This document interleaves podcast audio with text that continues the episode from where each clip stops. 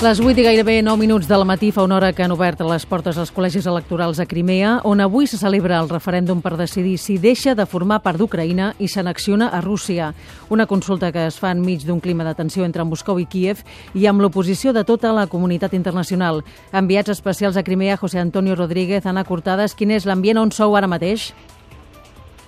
Doncs som davant de l'Escola de Música de Simferopol, on hi ha instal·lat un dels col·legis electorals més grans, uns col·legis on és difícil arribar en cotxe perquè la policia ha tallat els accessos a molts dels carrers de la ciutat. No hi ha cues, però sí algunes persones votant de manera fluida. Ho fan en grans paperetes que no es tanquen i això significa que el que cadascú ha votat és perfectament visible. Una creu per la primera opció o una creu per la segona. Les preguntes, vol la reunificació de Crimea amb Rússia o vol el restabliment de la Constitució del 92 i de l'estatus de Crimea en el mar d'Ucraïna. A la pràctica, diuen els analistes, totes dues porten a l'annexió.